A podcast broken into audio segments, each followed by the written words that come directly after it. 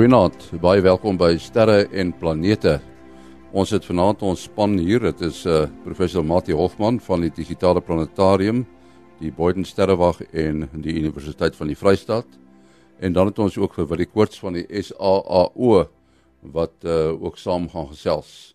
Maar soos gewoonlik is daar eers 'n ruimte nuus wat geskryf is deur Herman Torin in Bloemfontein. 5 jaar gelede het die Europese Ruimteagentskap se satelliet wat gravitasie gemeet het, GOCHE, na 4 jaar in die ruimte na die aarde se atmosfeer teruggetuimel. Dit verskaf egter nog waardevolle inligting soos dit ontsluit word. Indrukwekkende kaarte van oerkontinente onder Antarktika se ys is pas in die vaktydskrif Scientific Reports gepubliseer. Gotche het teen die einde van sy lewensyd 'n skrale 250 km bo die aarde gewentel wat hom in staat gestel het om 3D-kaarte onder so wat 2 km ys te karteer. So kan onder meer akkuraat gesien word hoe die kontinente aan mekaar verbind was. Groot hoeveelhede donker materie beweeg teen die duiselingwekkende spoed van 500 km per sekonde verby die aarde. Dit beweeg in wat as 'n S1 stroom bekend staan. So iets ontstaan wanneer 'n klein sterrestelsel te na aan ons eie beweeg en deur die groter stelsel uitmekaar geruk word. Die stroom bevat dan die ruimterommel saam met die sterre en donker materie. Die stroom is ontdek toe vasgestel is dat hierdie reisende sterre se samestelling verskil van die in ons eie sonnestelsel. Tot sover dan 'n ruimtenis wat vir ons geskryf word deur Herman Torin in Bloemfontein.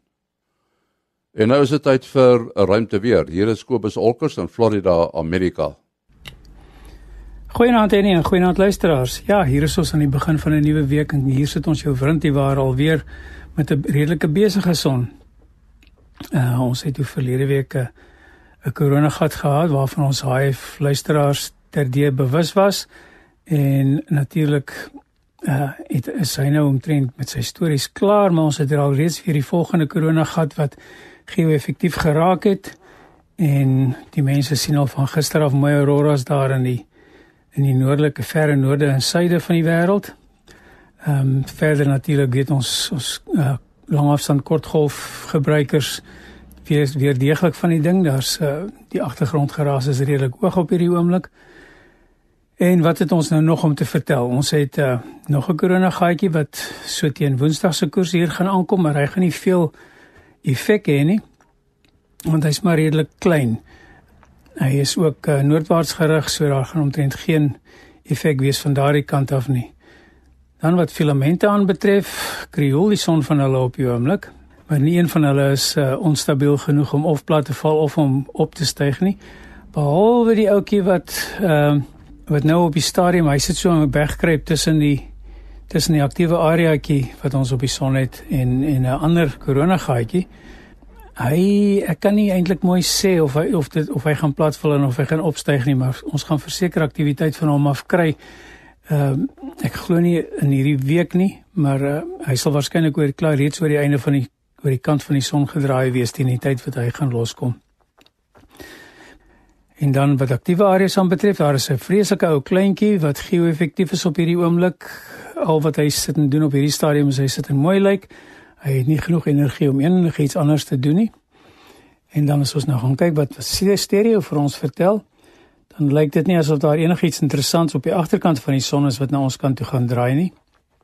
Uh met ander woorde, as enigiets hierdie week fout gaan met jou internet of met enigiets soort van die dinge, kan jy beslis nie die son daarvoor blameer nie. Uh nou ja, goeienaand almal en tot volgende week. Dit was uh, Kobus Olkers in Florida, Amerika met 'n ruimte weer. Ons uh, gesels met Johan Kotse van Naledi en ook die uitgewer van die boek Sterre en Planete. Ja, dit is nou byna 'n jaar gelede wat uh, die boek op die rak verskyn het, nee Johan. Hoe gaan dit uh, met die boek? En ja, dankie. Dit jy's heeltemal reg. Dit is nou 'n jaar gelede ongeveer en uh die terugvoer wat ons van lesers ontvang het is uiters positief.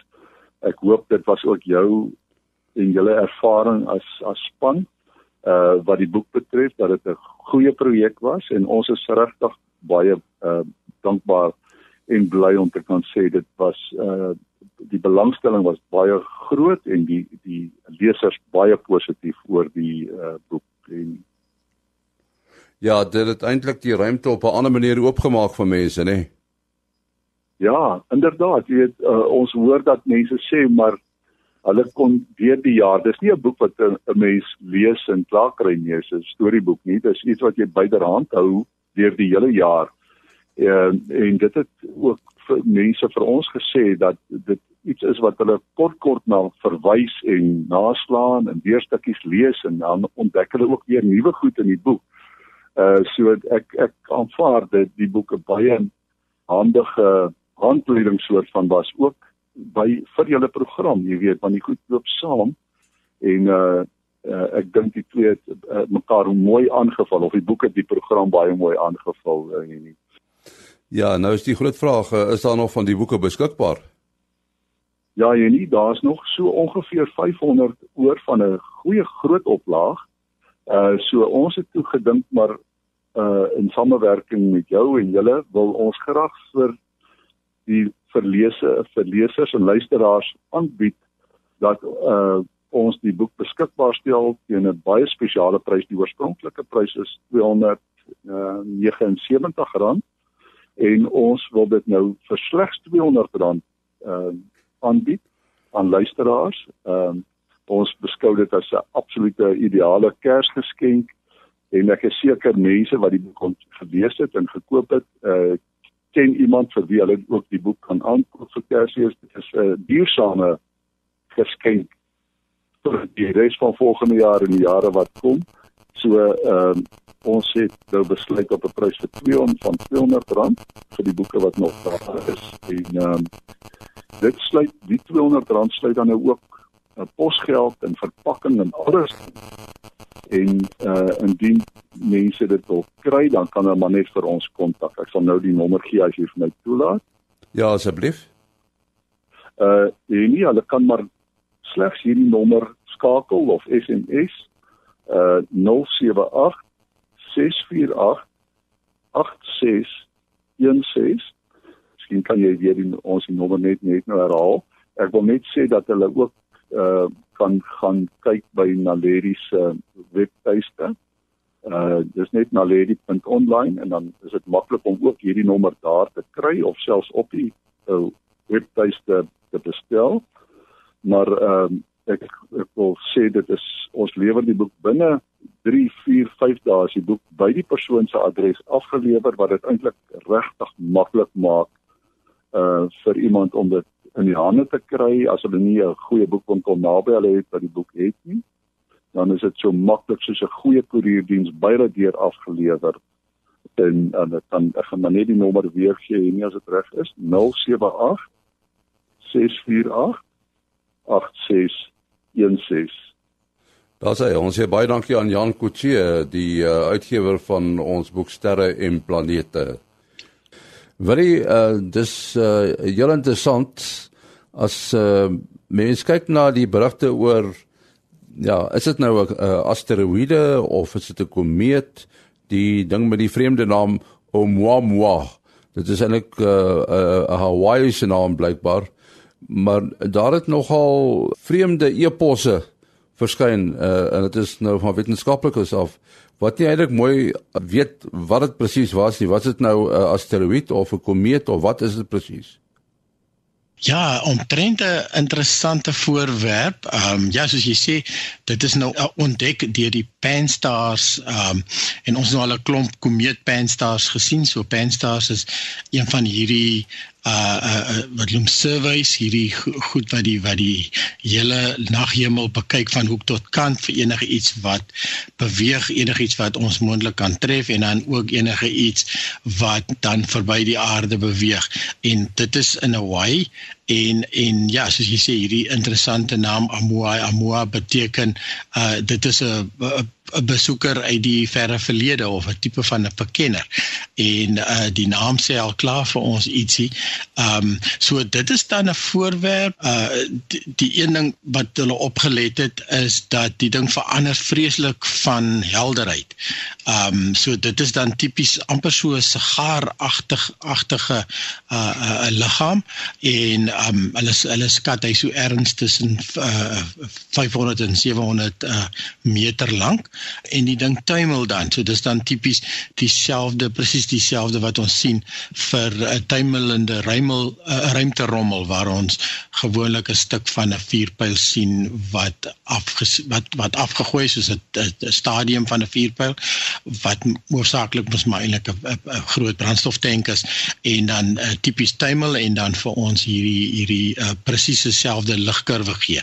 En ehm um, die ander interessante ding van hom is dat die baan wat hulle dan nou terugbepaal het, uh lyk asof die ding ergens uit die uit die interstellêre ruimte kom. So dit is dan en dis dan die heel eerste sover bekend interstellêre besoeker. Uh, dit wil sê dit is nie deel van ons eie sonnestelsel nie. So al die goeters wat ons normaalweg gekry het, uh het mos maar uit ons eie sonnestelsel uitgekom. Ja, so iets anders wat uh, baie interessant was oor die voorwerp is ehm um, die baan waarmee hy ingekom het. So uh tipies soos sê nou uit die buitenste ruim uh, uh heel waarskynlik.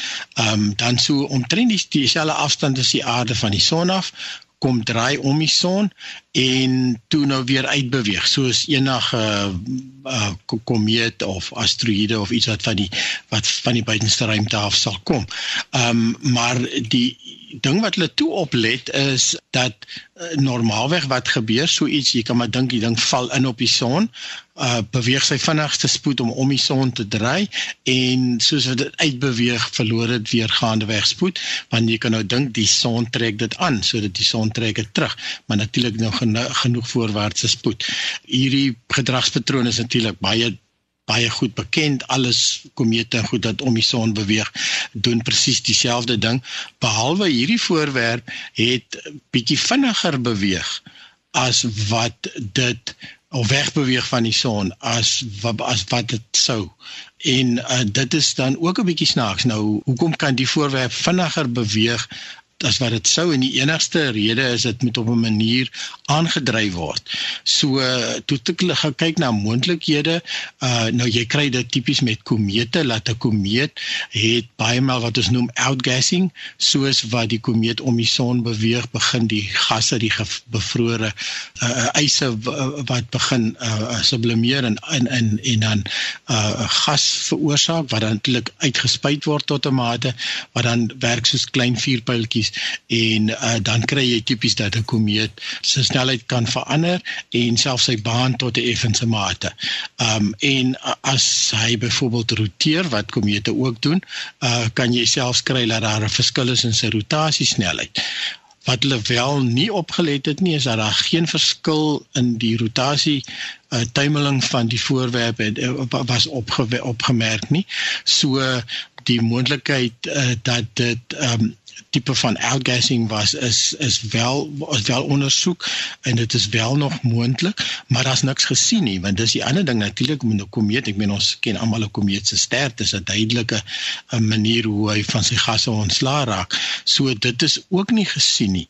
Nou interessant genoeg uh, die voorwerp is hoofsaaklik in sigbare lig en in die in die naby infrarooi dopgehou.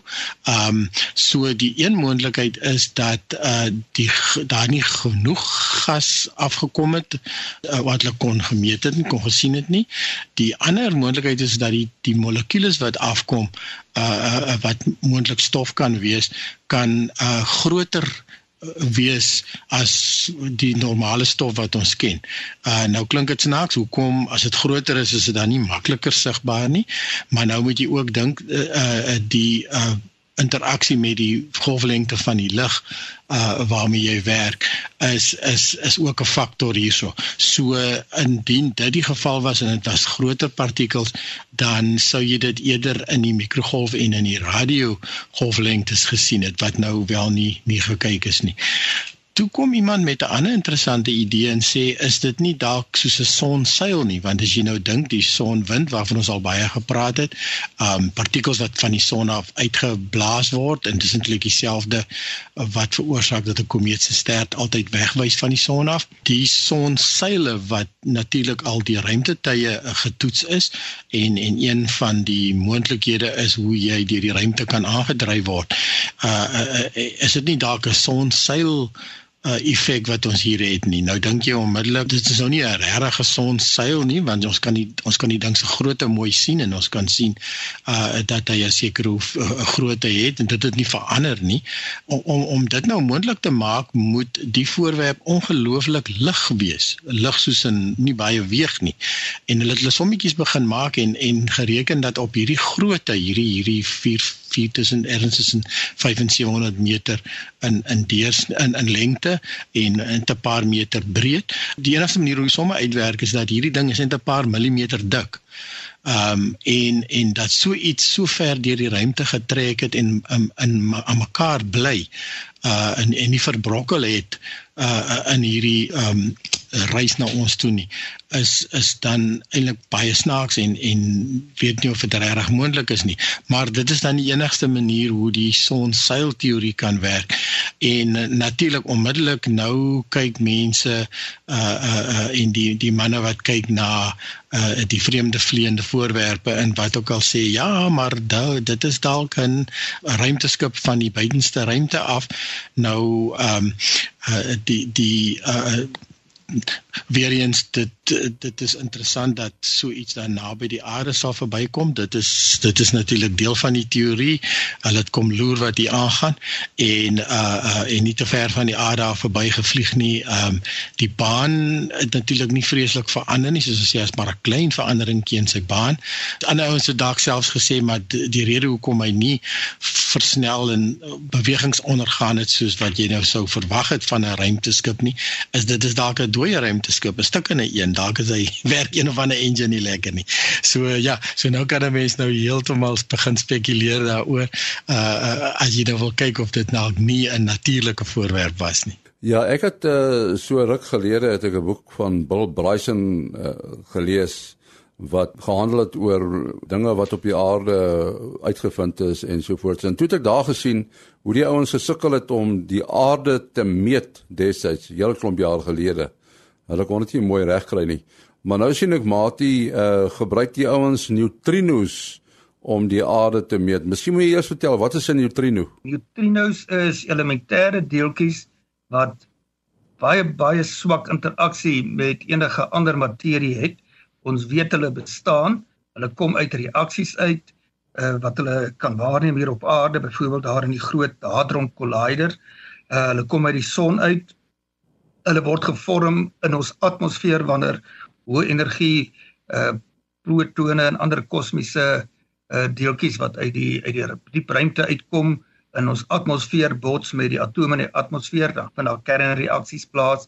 So die neutrinos ons weet hulle bestaan want hulle kan daarom wa waargeneem word, maar verreweg die meeste neutrinos waaraan enige apparaat op aarde of enige mens wat in die pad daarvan kom om of selfs die hele aarde self sien nie daai neutrinos raak en die meeste verweg die meeste neutrinos kan reg deur die aarde beweeg asof die aarde 'n sif is. Uh so dit is ons baie vreemd om daaraan uh, daaraan te dink hoe is dit enigstens moontlik? Ek meen die aarde is hier om ons baie solied en dis groot moeite om 'n uh, uh, binne die aarde in te kom, maar enige materie wat ons op een of ander manier waarneem, het sy deurdat ons dit sien of ons dit voel is eintlik maar effekte. Weet die feit dat ons materie kan sien is omdat daai soort materie en dit is dan nou maar die elemente van die periodieke tabel en die uh die molekules en materiale wat daaruit saamgestel is is omdat dit weens die elektrone daarin elektromagnetiese straling uh baie maklik kan uh weerkaats of absorbeer. Ehm um, indien jy materie het wat nie 'n interaksie het met elektromagnetiese straling nie, dan is dit 'n totaal ander saak. En uh soos wat ons nou ook al gesels het op die program, dit lyk of 'n baie groot deel van die heelal se materie in die vorm van sogenaamde donker materie bestaan wat dieselfde eienskap as materie het in terme van dat dit massa het en 'n uh, effek het op ander massa by wyse van gravitasie. Uh, maar dit het nie uh, wisselwerking met uh, elektromagnetiese straling nie en daarom is dit andersins onsigbaar behalwe bewyse van die gravitasie effek daarvan. So dis nou net om te verduidelik dat dit wat ons sien en voel is maar net 'n deel van wat bestaan in die heelal. So neutrinos het net eenvoudig nie 'n baie effektiewe meganisme om in 'n wisselwerking met gewone materie te bestaan. Ehm um, maar nou het die uh, mense met 'n baie oorspronklike idee vorendag gekom. Al eerstens daar is 'n 'n 'n neutrino detektor by die uh by die suidpool. Ehm um, en met hierdie detektor het hulle nou sistematiese studies van neutrinos wat uit die ruimte uitkom of en dit kom nie net van bo af daar waar jy op die suidpool staan nie as dit neutrino stel dan tel dit ook neutrinos wat aan die aan die ander kant van die aarde afkom want dit kan nou dwars deur die aarde beweeg en dan 'n baie klein persentasie kan dan nou hulle lewe eindig binne in die detektore uh daar by die uh suidpool en dan nou so gemeet word. En nou kan die mense 'n bron van neutrinos waarneem aan die een kant van die aarde uh en hulle kan dit meet uh deur te uh, deur te gaan sien wel hier in die atmosfeer hier ons het 'n proses plaasgevind en ons kan meet hoeveel wat is die vloed van neutrinos met ander woorde hoeveel uh, neutrinos per vierkante sentimeter of in watter eenheid hulle dit nou ook al meet bereik die aarde se oppervlak van die kant af waar die waar die neutrinos kom. En dan kan jy met die uh uh neutrino detektor aan die ander kant van die aarde by die by die suidpool kan jy dan meet maar hoeveel van daardie neutrinos want dit is nou op 'n bepaalde oomblik wat hulle geskep is en dan binne 'n klein breekdeel van 'n sekonde later moet dit die detektor daar by die uh suidpool bereik en dan kan hulle uh waarneem maar hoe verskil die vloed van neutrinos daar? Hoeveel is dit kleiner as aan die kant van die aarde waar dit vandaan kom? En daaruit kan hulle uitwerk maar hoeveel massa was tussen uh die een kant uh van die aarde en die ander kant van die aarde? En deur dit nou ook te gaan meet vir verskillende hoeke. So dit kom nie noodwendig van die noordpool af nie dit kan nou skynsweg deur die aarde beweeg. So sê nou maar dit kom reg van vanaf die noordpool uh dit is in die atmosfeer daar bo die noordpool opgewek weens kosmiese strale dan weet jy die neutrinos moes beweeg het deur die mantel van die aarde en deur die kern van die aarde, deur al die lae van die aarde. En dan gaan jy natuurlik die meeste absorpsie kry. So deur metings nou te kry oor 'n lang tyd en vir verskillende hoeke, kan jy nou sien hoeveel absorpsie van neutrinos vind plaas vir verskillende hoeke. Of dit nou sê die uh, sê nou maar dat hy die kern van die aarde heeltemal gemis omdat dit skuins deur die aarde beweeg het. Ehm uh, en deur daardie uh, kleiner absorpsie te vergelyk met die groter absorpsie as dit ook deur die kern van die aarde beweeg het, dan kan jy mos nou met die nodige wiskunde kan jy 'n uh, aanduiding gaan kry maar hoe is die massa binne die aarde versprei en ook hoe wat is die totale massa in die aarde. Nou dis nou die eerste keer wat metings op hierdie manier van die aarde se massa geneem uh, word en dit stem oor met uh, ooreen met die massa wat nou op ander maniere gemeet is waarvan die die belangrikste nou maar kom die interaksie tussen die son en die maan en die aarde by wyse van gravitasie en die geassosieerde bane. En okay dit stem ooreen so ons het nie nuwe inligting nie maar dit is interessant dat jy nou met 'n totaal onafhanklike metode en totaal ander metode soortgelyke antwoord kry. Die wetenskap wil dit altyd graag doen om soveel as moontlik verskillende metings van dieselfde soort eienskap te maak maar hulle voorsien dat dit dalk in die toekoms kan gebruik word om vas te stel maar daar is nie dalk van hierdie eksotiese donker materie wat nie uit die periodieke tabelse elemente bestaan nie binne in die aarde vasgevang. So uh dis nog baie vroeg en dit sal nou hierdie werk sal nou uh baie fyn uh, gefyn kan word deur 'n klomp wetenskaplikes. Wetenskaplikes kan maar baie krities op mekaar wees. Dit is deel van die wetenskaplike proses en hulle sal die metings moet herhaal. Uh so dis 'n storie om dop te hou. Maar die, ek wil net gou vinnig hoor, jy jy het nou neutrinos en kosmiese strale hierso in in verskillende sinne gebruik.